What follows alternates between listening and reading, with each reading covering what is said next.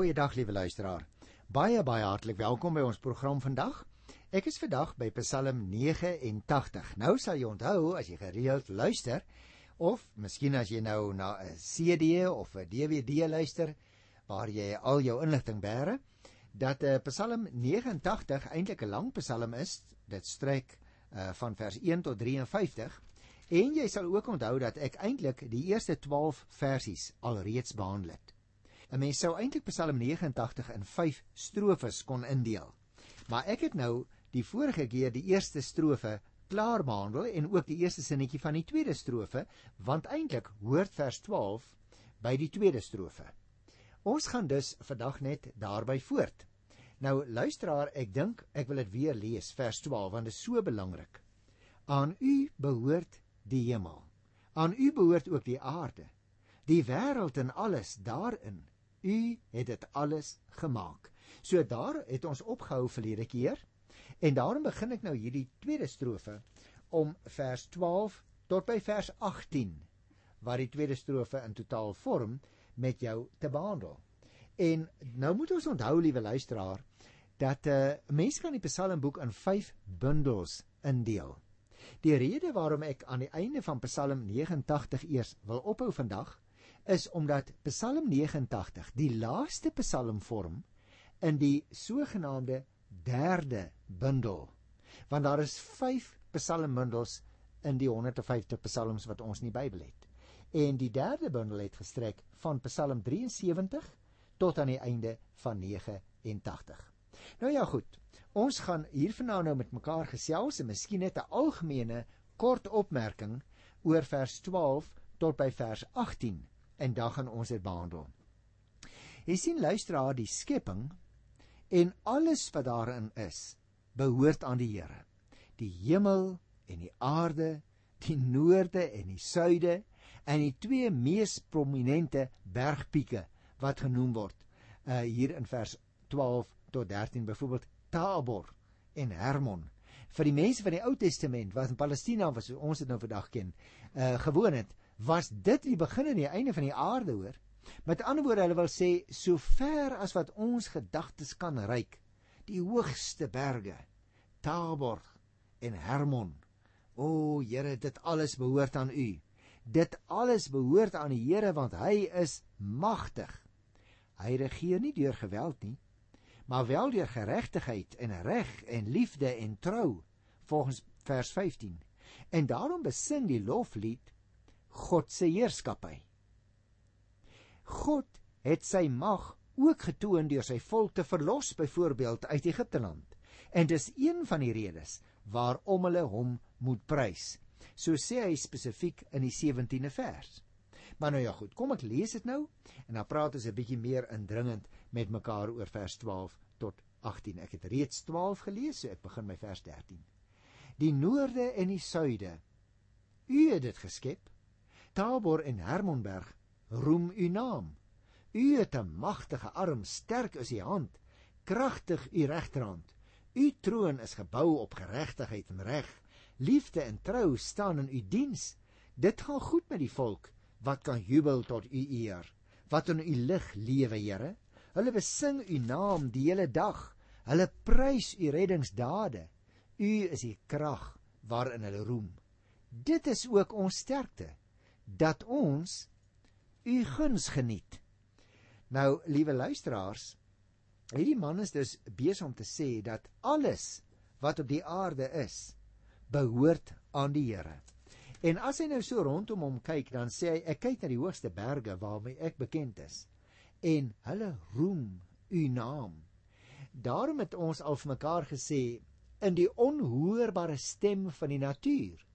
Daarin hoor jy ook en ek ook die stem van die Here wat ons soms in 'n stil nag as ons deur die wye Karoo vlaktes lei en ons stop. Daar's geen motor se geluid in die verte nie. Daar is niks waarna ons luister nie. Op 'n stil nag selfs wanneer die naggeluide van die diere in die krieke min is, dan is dit asof ons in die stem van die stilte die Here se stem hoor. As die psalmdigter hier van die 14de vers af dus praat van die magtige arm van die Here, van hoe sterk sy hand is, hoe kragtig sy regterhand is, dan is dit 'n personifikasie van die Here. Nou wat beteken dit, liewe luisteraar? Dis 'n groot woord, hè, personifikasie. Nee. Dit beteken eintlik maar net as die Bybel met jou en met my sou praat oor God en oor hoe hy werklik is, dan sal die woorde wat jy en ek ken te swak wees om uitdrukking te kan gee aan die grootheid van God. Kan kom ek sê dit anders? Ons woordkennis bedoelende in die woorde wat ons praat. Ons woordkennis is nie swanger genoeg aan inhoud om te kan weergee wie God is en hoe groot hy is nie. Daarom het ons in die Bybel deurgangs 'n mensvormige voorstelling van God. Word hy ook hier geteken as iemand met 'n arm en 'n hand en 'n regterhand spesifiek? Dis nie noodwendig dat die Here dit het nie. Ons kan ons God en hoe hy is nie voorstel nie. Want as die Samaritaanse vrou met die Here Jesus praat oor God, dan sê die Here in Johannes 4 van die 24ste vers af, God is gees. Nou natuurlik, liewe luisteraar, gees kan 'n mens nie sien nie. Hoe sal ek vir jou verduidelik? Probeer verduidelik. Sê net maar jy sou jou twee duime teen mekaar hou en jou twee middelvingers teen mekaar hou, dan is daar tussenin mos nou 'n sirkel. En dan kan jy dit vir iemand wys en sê kyk hier tussen my vingers is niks. Maar wie jy die oomblik as jy jou hand wegneem, dan het daardie persoon nie meer 'n verwysingsraam om te sien hoe lyk niks nie. Want hy kon niks alleen omring met sy vingers. Maar as hy die sirkel wegneem en sy vingers wegneem, dan weet hy nie meer hoe lyk niks nie. Daarom is dit nie regtig vir jou of vir my moontlik om te weet hoe lyk niks nie. Ons kyk soms in die lug op en dan sien ons niks. Nee, dis nie waar nie. Ons sien die wolke. Ons sien die son. Ons besef tussen ons en die wolke is daar niks. Nou sê ons ek sien niks maar die wolke is nog daar. Die wolke maak weer die rand van die prentjie, die raam van die prent as jy wil, toe, sodat ons ons kan voorstel hoe lyk niks, maar sonder 'n raam weet ons nie as ons nie 'n begrensing het om te verduidelik nie. Nou word die Here so voorgestel. Daarom sê hy byvoorbeeld ook oor die trou van die Here van vers 15 af. U trou is gebou op geregtigheid en reg. Liefde en trou staan in u diens. Liefde en trou, luisteraar, word dus voorgestel, word dus ook gepersonifieer. Dit word voorgestel as 'n persoon, die persoon van liefde en die persoon van trou aan die einde van vers 15. Maar dis nie persone nie. Dis maar 'n voorstelling van God se geregtigheid en sy reg van sy liefde en sy trou. Maar dis eers wanneer 'n mens kyk na 'n situasie en ek dink nie daai situasie is in die wêreld moontlik nie, waar daar volle geregtigheid geskied. Waar daar net trou is en geen ontrou nie. Waar die liefde sy volmaaktheid bereik het en daar geen haat meer is nie. Dit is deel van die karakter van God. En daarom gebruik die Here om sulke woorde 'n inhoud te gee om vir jou vir my iets te laat verstaan van hoe hy is. Want God is liefde. Gaan lees maar in 1 Johannes en sal jy daai uitdrukking daar kry. God is die getroue. En dit is wat die psalmis ook hier vir ons sê. U troon is gebou op geregtigheid en reg. Liefde en trou staan in u diens. Maar jy en ek weet nie regtig wat dit wat dit beteken as ons nie in menslike vorms daaroor probeer nadink nie. Nou luisteraars, dit bring my nou ek gaan nie by al die strofe so lank stil staan nie, maar dit bring ons by die derde strofe van Psalm 89. En dis 'n lang strofe hoor. Dit strek eintlik hier in Psalm 89 van vers 19 tot aan die einde van vers 38. Nou ek gaan so 'n stukkie daarvan lees Maar ek gaan dit nie in detail met jou behandel nie. Daar gaan ek nooit klaar kry met Psalm nie. Ons koning behoort aan die Here. Ja, ons beskermer behoort aan die heilige van Israel. Nou, ah, sal jy sê broer Johan, hier kry ons mos nou weer 'n voorbeeld van 'n sogenaamde koningspsalm en jy's heeltemal reg hoor. Want vir die persone wat nou vir die eerste keer ingeskakel het vandag, Somstyds wanneer daar 'n nuwe koning die troon van Juda of Israel bestyg het, dan was daar sangers wat die troonsbestyging van die koning besing het en hulle is troonsangers genoem. En dan het hulle 'n lied geskrywe wat hulle gesing het ter ere van die koning. Maar nou word dit vir ons verduidelik in vers 19. Hier staan: Ons koning behoort aan die Here. Ja, ons beskermer behoort aan die heilige van Israel. Met ander woorde, hulle sê eintlik is ons koning maar 'n vergestalting Hy's maar 'n skaduwee van die ware koning, die Here. Hy is ons beskermer ja, maar ons beskermer is eintlik die heilige van Israel. Hulle is dus besig om 'n troonsbestygingslied te sing tot eer van die aardse koning. Maar hulle sê wie hulle wat? En weet u wat, meneer koning? Agter u en aanderkant u en bokant u sien ons as dit ware met ons geestesoog die hemelse koning die hemelse beskermer die heilige een. Met ander woorde hierdie soort troonsbestygingsliedere dan of koningsliedere se eerste trefpunt was die aardse koning maar 'n verdere of 'n meerdere 'n finale trefpunt daarvan is God. Hy is die koning. Hy is die beskermer. Hy is die heilige een. En nou interessant hier in die derde strofe van vers 20 af sê die digter: U het 'n openbaring gegee. Aan die troue dienare toe gesê, ek het aan 'n held my bystand geskenk. Aan 'n dapper jong man uit die volke ereplek gegee. Nou, dit gaan dus nie oor wie is ou die koning wat hier besing word nie, want dis een of ander aardse koning. Dit kan uh, selfs Saul gewees het. Dit kon Dawid gewees het, ook een van die later konings ter ere van wie hulle ook miskien die Israeliete ook miskien hierdie Psalm gesing het. Wat belangrik is is dat iets wat nou anders is in vers 20 as in vers 19 is dat u 'n openbaring gegee het. U het aan u dienaar gesê. Nou wat is die openbaring wat die Here gegee het? Die openbaring waarna nou verwys word is die woorde van die Here. En daardie woorde het nie net woorde gebly nie. Dit het waar geword. Die Here het in die geskiedenis byvoorbeeld mense gehelp om sy woorde neer te skryf. Daarom het ek al vir jou gesê dat hierdie woorde van die Here verskillende benamings het, soos verordeninge of wet of reëls of gebod of bepalinge.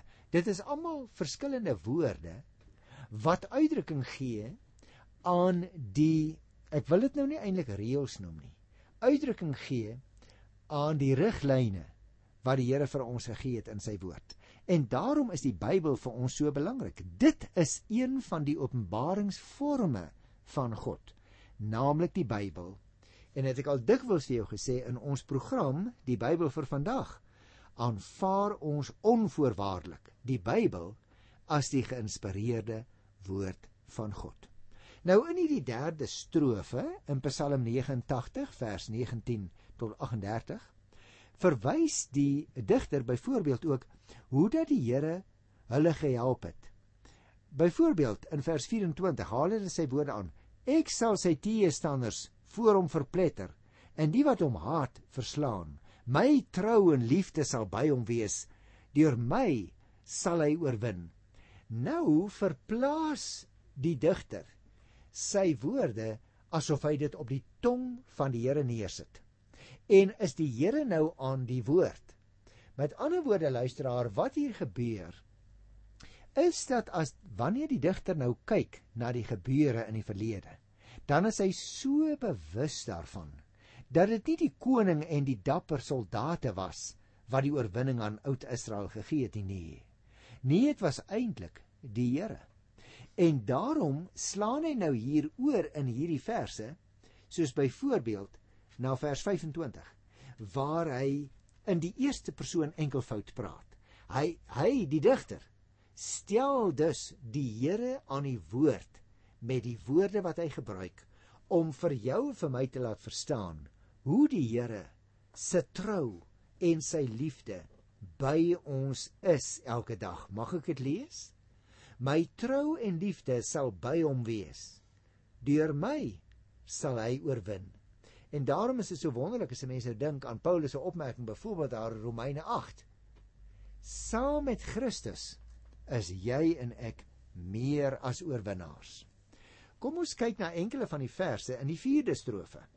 Psalm 89 vers 39 tot 46. Hy sê: Maar nou het u in toren tog u gesalfde verstote verwerp. Jy sien nou gebeur hier weer 'n verskuiwing in die digter se gedagtes waar hy sopas sy woorde in die naam van die Here gesê het. Met ander woorde, dit was in eerste persoon enkelvoud ek. Nou slaan hy weer terug in vers 39. Asof hy self met die Here praat. Nou gebruik hy homself as die spreker en hy sê byvoorbeeld, luister na 39, maar nou het u in u toren tog u gesalfde verstoot en verwerp. Dit blyk dus nou dat die digter kyk na hoe ontrou die koning was, die aardse koning. En die koning het dus gefaal in sy trou teenoor die Here. En wie wat het nou gebeur sê die digter? U, die Here, het tog nou u gesalfde verstoot en hom verwerp. Nou ja, as 'n mens nou verder kyk na die geskiedenis, dan sien jy in vers 42 almal wat met die pad verbykom beroof hom. Die buurvolke behandel hom met minagting. U het sy teenstanders laat seevier. Dit is dus duidelik hierdie man, hierdie digter kyk terug in die geskiedenis. Hy sê aanvanklik was die koning 'n goeie verteenwoordiger van die Here. Maar geleidelik het hy ontrou geword. En geleidelik het hy al meer sy eie kop gevolg. Die uiteinde was dat die koning en daarmee die land en daarmee die gelowiges in die land in oneer verval het. Hoekom? Want hulle het aanvanklik die Here bely as hulle God en nou het hulle ontrou geword aan hom en nou het die Here hulle oorgegee aan hulle vyande en hulle teestanders en nou elke een wat by Jerusalem verbystap en kyk hoe lyk die tempel en hy stap deur die land en hy sien hoe dat die landerye verwoes is. Elke ene lag nou as dit ware oud Israel uit. Hulle sê vir hulle self maar die Here wat deur hierdie mense bely is, kan nie die ware God wees nie, want kyk hoe lyk die land. Hy in wie hulle geglo het, het hulle nou oorgegee aan ons wat hulle vyande is. Die laaste strofe van Psalm 89 kry ons hier van vers 47 tot 52. Kom ek lees 'n stukkie daarvan en dan gesels ons met mekaar daaroor. Sal u dan vir altyd u hulp weerhou, Here? Sal die vuur van die gramskap dan bly staan? Dink tog daaraan hoe kort die lewe is. Hoe min daar is in die lewe vir al die mense wat deur U geskep is. Watter mens leef daar wat die dood nie sal sien nie? Wat homself kan red uit die mag van die doodryk? Waar is U liefde van vroeër, Here? Wat U in U trou plegtig aan Dawid beloof het? Dink, Here, aan die smaad wat my aangedoen is, aan alles wat ek moes verduur van baie volke Die mense van wie hierdie smaad kom, is u vyande, Here.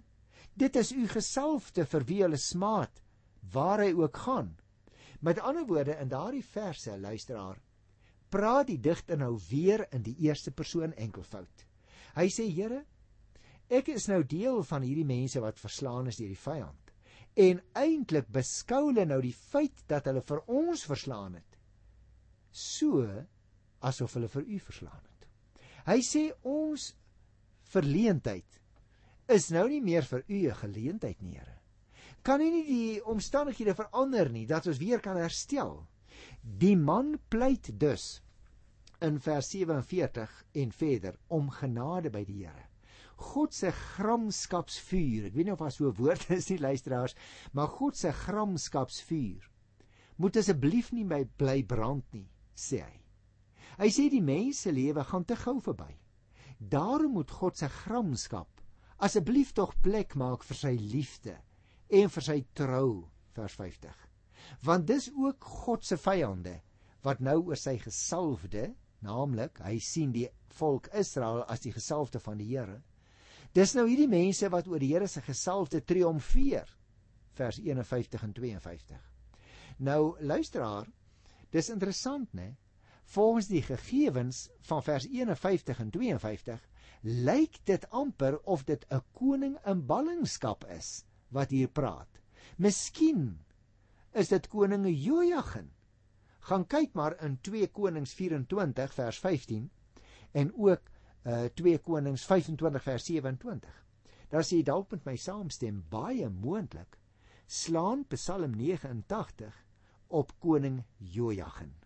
Kom dit dus uit daardie stadium van die geskiedenis, maar ons weet nie finaal nie. Daarom in die laaste paar versies van vers 47 tot 52 sal jy sien ek het dit nou net gelees bid die digter dus om genade by die Here. Hy vra dat God se gramskap asseblief tog weer plek moet maak vir liefde en vertrou van die kant van die Here af. Want sê hy, die vyande wat oor die Here se gesalfde getriomfeer het, is ook God se vyande. U sien dus, liewe luisteraar, ons het hier op meer as een manier 'n baie goeie voorbeeld in Psalm 89 van personifikasie. Ek het nou al vir jou gewys daarop hoe dat die donderweer en hoe dat die storm wat oor hierdie man kom, hoe dat die golwe wat oor hom rol voorbeelde is van kragte en magte buitekant sy beheer, maar dan ook terselfdertyd personifikasie is. Dit is voorstellings van God se mag wat oor hom rol. En as daar oor die Here gepraat word, dan kry ons ook 'n voorbeeld eintlik 'n hele paar voorbeelde in die Psalm van personifikasie. Die Here se arm, die Here se oog, die Here se mag. En nou hier teen die einde van die Psalm. Die mense vers 52 byvoorbeeld van wie hierdie smaad kom is u vyand die Here dit is u gesalfde vir wie hulle smaad uh, aandoen waar hy gaan die koning wat dan ook 'n simbool is van die Here. Hy kom in die smaad en daarom sê hy: Here, weet u wat? As die koning in die smaad kom, dan kom u natuurlik ook in die smaad. En dan, liewe luisteraar, vers 53. Dit is die laaste versie in Psalm 89 en hierdie versie staan ook weer so bietjie op sy eie. Luister na die woorde. Aan die Here kom die lof toe vir altyd. Amen. Ja, amen. Nou jy weet ek het vir jou gesê van tevore die woordjie amen beteken dit is so of dit staan vas. En aan die einde van elkeen van die 5 psalmbundels sal jy onthou het ek vir jou gesê is daar 'n lofprysing op die eer van God. En dit is dus wat ons nou ook hier aan die einde van Psalm 89 het, want Psalm 89 is die afsluiting van boek in die psalmbundel en dit het, het gestrek van Psalm 73 tot 89. So nadat die lang Psalm 89 nou verskillende tonele vir ons geteken het, sluit dit af met 'n doxologie, met 'n lofprysing om te sê ook wat hierdie 15 psalms betref van die derde psalmbundel, is daar een ding wat ek wil onderstreep en dit is aan die Here kom die lof toe vir altyd. Amen. Ja. Amen. Met hierdie lofprysing op die Here sluit ons dan ook vandag hierdie derde psalmbundel af. Ek groet jou in die wonderlike naam van die Here tot volgende keer. Tot dan. Totsiens.